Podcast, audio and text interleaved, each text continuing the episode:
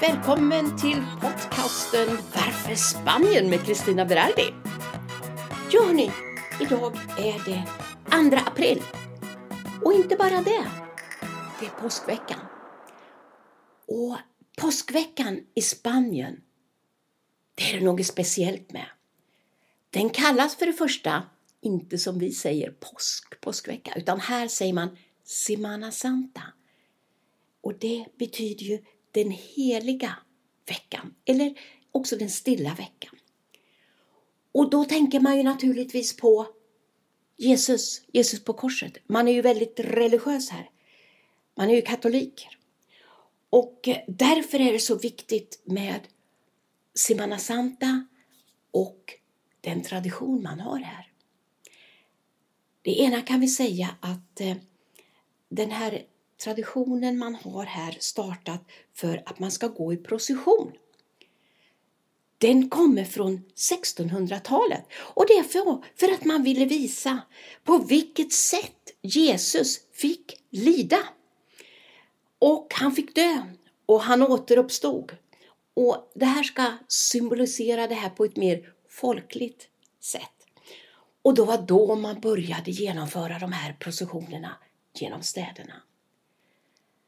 Jag tror faktiskt att det är mest i Andalusien man har eh, de här, men processionerna finns överallt i hela Spanien faktiskt. I de här processionerna så går man väldigt långsamt, färdigt och man bär på olika figurer. Det ena är ju naturligtvis korset. För det var ju så Jesus fick ju bära korset till Golgata. Så man har ju ett antal personer som bär de här, både korset och de här andra, eh, vad ska jag säga, det ser ut som grejer där man har figurer och det brukar vara eh, figurer med Jesus och eh, den heliga Maria, eller jungfru Maria som hon heter. Och ibland brukar man faktiskt göra de här precisionerna flera gånger. En för lokalföreningen och för brödraskapet eller vad det nu är. Va?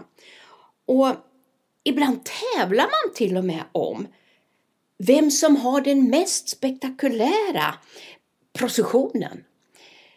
Och de sjunger och de trummar och men ibland så går man bara tyst, tyst och långsamt. Det som är, sticker kanske lite grann i ögonen det är att man har såna här heltäckande kåpor. Ser lite grann ut som eh, eh såna här Ku Klux Klan kåpor ni vet, som en strut uppåt och ner till. Och de som är klädda i de här kåporna de brukar kallas Los Nazarenos. Och de går i de här processionen. Och det, de man säger att de här kåporna och struten, det här det kommer från 1400-talet i Spanien då man införde de här för att märka de personer som skulle straffas för att ha begått religiösa synder. Men nu symboliserar det någon helt annan sak. Nu handlar det om botgöring. Ja, vilka är det då som får gå med i processionen och bära de här figurerna och korset? Ja, jag vet inte riktigt hur det går till, men de väljs med omsorg. För det anses att vara en stor ära att få gå i dessa processioner. Och framför allt när det gäller att bära korset och med figuren Jesus och jungfru Maria. Och, och det är ju bara för att de här figurerna och den här tunga, långsamma värdigheten, den visar på smärta. Så är det. Det är faktiskt så här också att det är på påsken som är ju den första långledigheten man har på året. Och eh, då är ju eh, då har man ju tid att göra de här grejerna och vara tillsammans med familjen. Det är ju oerhört viktigt. Så det här är ju lite blandade känslor. Va? Att dels så är man ju glad och lätt att man får ledigt, tillbringa med familj och vänner. Men sen är det här allvarliga budskapet då eh, med Jesus lidande. Så att eh, det är lite, lite blandade känslor här. Så det här med ägg och färger och fjädrar och hålla på med påskharar och sånt här. Det gör man inte här. Det här är en helt annan sak. Eh, däremot så är det väldigt vanligt att man äter eh, en form av något sötat rostat bröd också. Det kallas torrejas. Och ibland på kvällarna då kan man träffas hela familjen och man äter gott av, ja, och har lite festligheter tillsammans faktiskt. Så det är inte så att man fastar eller avstår från, att, eh, eh från ett normalt liv. Utan eh, man kan också titta på tv och, och ut och shoppa och handla och så här. Men just processionerna, otroligt viktiga. Jag nämnde ju förut att eh, de här grejerna som de bär, jag vet inte riktigt vad de heter, men det är ju de här figurerna. De är ju inte lätta. Eh, de här figurerna, det är ju taget från Bibeln. Och, och, vi nämnde ju då att det är ju Jesus och jungfru Maria på, på några och eh, även korset. Men de är så oerhört tunga. En del väger ända upp till 5-6 ton och då behöver man ha en 50 bärare för det finns ju inga hjul på de här. Va? Och eh, det är ju, jag kan ju tänka mig när man har de här trägrejerna som ligger an mot axlarna att det är tungt. va Och därför så måste man göra en paus ibland. Och det är ju så ledaren för varje sånt här bärlag som det heter de, de har en klocka, då ringer de i sin klocka och då vet alla, nu är det dags att stanna och så släcker man sakta ner den här grejen och så får man ta en liten paus. Och eh, det sorgligaste det är väl på långfredagen faktiskt, för det är då är det mycket trumslag med. En sån här sorgsen eh, trumpetmusik och mycket mörka dräkter och Eh, däremot på påsklagen, det, det, är ju då han återuppstod. Va?